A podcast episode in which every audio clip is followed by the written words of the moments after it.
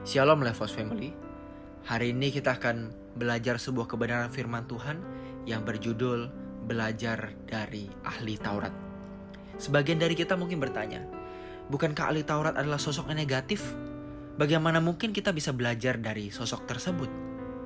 Nah, ternyata Levos Family, dari sosok negatif ini pun kita bisa memetik sebuah pelajaran yang sangat berharga. Dan dari sini kita akan mendapatkan sebuah pelajaran yang benar-benar membuat kita berjaga-jaga dalam hidup kita. Levos Family, mari kita buka Lukas pasal 22 ayat 1 sampai 2. Lukas 22 ayat 1 sampai 2. Hari raya roti beragi yang disebut Paskah sudah dekat. Imam-imam kepala dan ahli-ahli Taurat mencari jalan bagaimana mereka dapat membunuh Yesus sebab mereka takut kepada orang banyak.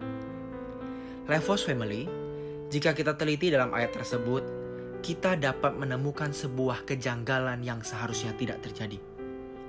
Dalam ayat tersebut dikisahkan bahwa imam-imam kepala dan ahli-ahli Taurat sedang merencanakan untuk membunuh Yesus menjelang hari Paskah.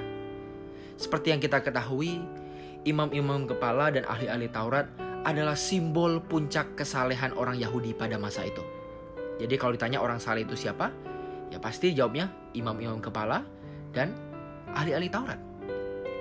Sedangkan hari Paskah adalah salah satu hari bersejarah yang sangat dihormati oleh orang Yahudi dapat dikatakan bahwa Paskah adalah salah satu hari suci karena mereka mengecap kebaikan Allah, memperingati kebaikan Allah yang menyelamatkan mereka keluar dari Mesir. Namun sungguh ironis, pada saat mereka menyambut sebuah hari suci, peringatan di mana mereka mengingat kebaikan Allah, mereka bukannya menyucikan diri di hadapan Allah, melainkan merancang kejahatan keji terhadap sesamanya manusia, yaitu Yesus. Levos Family dari satu hal yang ironis ini. Di depan hari suci dengan orang-orang yang suci yang dianggap sebagai orang-orang saleh, namun ternyata pada hari yang suci dengan orang-orang yang punya image sebagai puncak kesalehan, ternyata mereka melakukan satu hal yang jahat, yaitu merancang pembunuhan berencana. Sebenarnya hal ini memberi kita dua pelajaran yang sangat berharga sebagai orang percaya. Pertama, tidak ada seorang pun yang kebal terhadap dosa, meskipun ia adalah seorang pemimpin agama atau rohaniwan. Siapa pun dapat jatuh dalam dosa kalau tidak berjaga-jaga dengan benar. Mungkin ahli Taurat dan orang-orang Farisi ini tidak melakukan dosa yang tercela secara moral. Namun, dari pikiran mereka, mereka sudah jatuh. Saudara, sering kali kejatuhan kita bukan dimulai ketika kita sudah melakukan sesuatu, tapi pikiran kita ketika kita sudah jatuh di sana, maka kejatuhan yang sebenarnya sudah dekat. Maka sangat beralasan jika firman Tuhan mengatakan dalam Amsal 4 ayat 23 bahwa setiap orang harus menjaga hatinya dengan hati-hati, dengan segala kewaspadaan, karena dari situlah terpancar kehidupan kita harus jaga sungguh-sungguh hati kita. Karena dalam hati kita, dalam diri kita ini sudah tercemar oleh kodrat dosa. Kita cenderung lebih mudah berbuat dosa ketimbang berbuat benar.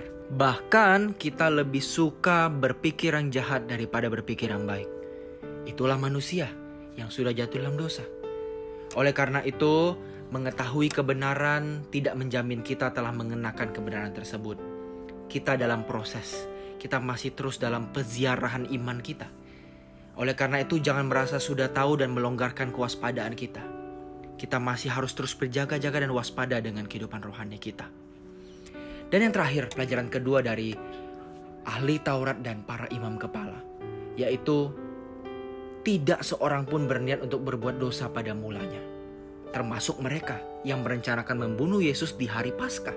Sebuah ironi yang sangat dalam Sebenarnya setiap orang tanpa sadar digiring kepada dosa karena pilihan-pilihan sederhana dalam pikirannya yang tidak dapat dipikirkan, ditimbang, dan dipilih dengan tepat. Mereka memandang itu pilihan biasa.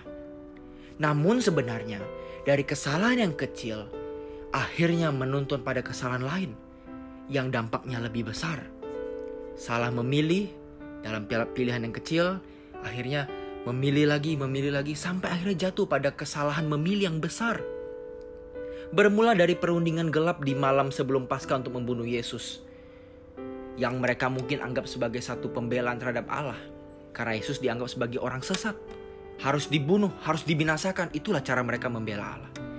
Padahal tidak demikian. Sehingga pada akhirnya mereka melakukan proses pembunuhan berencana tersebut dengan politis dan indah. Mereka seakan-akan tidak berdosa.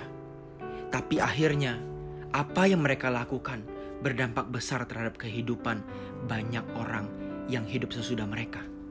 Mereka berkata bahwa biarlah darah orang ini tertanggung pada kami dan atas anak-anak kami. Pilihan kecil tersebut yang sebenarnya mereka bisa batalkan yang mereka bisa tidak pikirkan pada malam pasca itu. Tapi akhirnya mereka lakukan. Dan akhirnya bangsa Yahudi, bangsa mereka, anak-anak mereka harus menanggung hutang darah yang berat di kemudian hari. Pada saat Jenderal Titus menggempur Yerusalem dan menghabisi banyak orang Yahudi. Pada sekitar tahun 70 Masehi. Levos Family, bukankah kita setiap hari punya kesempatan untuk memilih? Mari kita memilih dengan benar Mari kita pertimbangkan ulang setiap pemikiran, setiap keputusan yang dulunya kita ambil dengan mudah. Setelah kita sekarang mendengar kebenaran firman, mari kita masukkan nilai-nilai kebenaran. Kita terapkan nilai-nilai kebenaran ketika kita mengambil pilihan. Jangan seperti para imam kepala dan ahli Taurat yang meskipun sudah tahu banyak kebenaran, termasuk tidak boleh membunuh orang yang tidak bersalah. Tapi akhirnya mereka tetap memilih melakukan itu karena mereka merasa itu hal yang biasa, tidak mempertimbangkan ulang berdasarkan kehendak Allah yang tertuang dalam firman Tuhan. Mari kita hidup dengan hati-hati, baik itu dalam pikiran kita maupun dalam kita memilih, menimbang, dan melakukan sesuatu. Tuhan Yesus memberkati.